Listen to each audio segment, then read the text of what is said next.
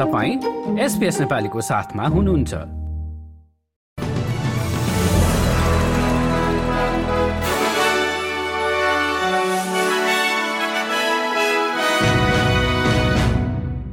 नमस्कार आज हो बुधबार चार अक्टोबर सन् दुई हजार तेइस। अब पालो भएको छ एसपीएस नेपालीमा आजका प्रमुख अस्ट्रेलियन समाचार छोटकरीमा सुन्ने। प्रसङ्ग सुरु गरौं अस्ट्रेलियाको आप्रवासन कार्यक्रमको समीक्षा सम्बन्धी समाचारबाट। अस्ट्रेलियाको आप्रवासन प्रणालीका बारेमा भएको समीक्षाले अपराधिक सिन्डिकेटहरूले मानव तस्कर आधुनिक दासता गैर कानूनी वेश्यावृत्ति लागू औषध र मनी लाउन्डरिङ जस्ता कार्यमा अस्ट्रेलियाको आप्रवासन कार्यक्रम दुरूपयोग गरिरहेको पत्ता लगाएको छ।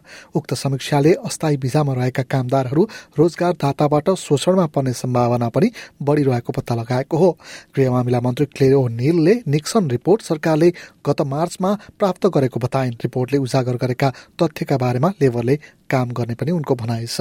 अर्को समाचारमा न्यू साउथ वेल्सको दक्षिणी तटीय क्षेत्रमा डढेलोका कारण केही घरहरू जलेको बताइएको छ। राज्यका प्रिमियर क्रिसमिन्सले स्थानीय अग्नि नियन्त्रकहरू आगो नियन्त्रणमा खटिएको जानकारी दिएका छन्। डढेलो लागेको क्षेत्रमा विद्यालय छुट्टीका कारण थुप्रै मानिसहरू विदा मनाउन पुगेका थिए।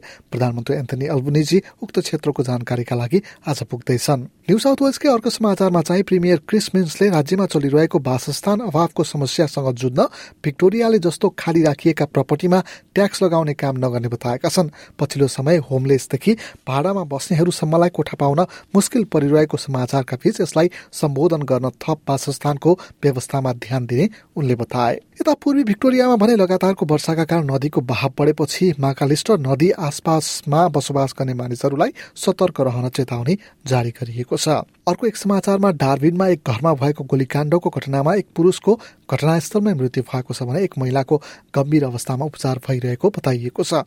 उक्त पुरुष र महिला घरायसी सम्बन्धमा रहेको र गोली चल्दा अन्य मानिसहरू पनि घरमै रहेको बताइएको छ। यद्यपि उक्त घटना घरेलु हिंसाका कारण भएको हो वा होइन भन्ने बारेमा प्रहरीले केही बताएको छैन। भोइस पार्लियामेन्ट जनमत संग्रहबारे गार्डियन एसेन्सियलले गरेको पछिल्लो सर्वेक्षणमा सहभागी मध्ये त्रिचालिस प्रतिशतले यस भोट हाल्ने बताएका छन्। यसअघि यो केवल एकचालिस प्रतिशत रहेको सर्वेक्षणले देखाएको थियो। अब भने खेल समाचारमा टेनिस अस्ट्रेलियन खेलाडी मार्क पोलम्यान क्वालिफाइङ म्याचका दौरान अम्पायरलाई बलले हानेपछि एटिपी टुर थाउजन्ड सङ्घाई मास्करबाट बाहिरिएका छन्। पोलम्यानले रिसको जोगमा बेलायती पदाधिकारी भेन एन्डरसनलाई बलले मुखमा हानेका थिए। हवस् त यसका साथै आजको एसपिएस संक्षिप्त समाचार यति नै। सुरक्षित रहनुहोस्। नमस्कार।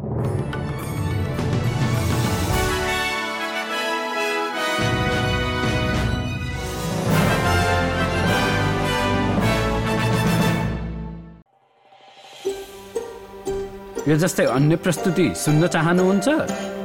एप्पल पोडकास्ट गुगल पोडकास्ट स्पोटिफाईमा हामीलाई खोज्नुहोस् वा तपाईँले पोडकास्ट सुन्ने अन्य सेवामा।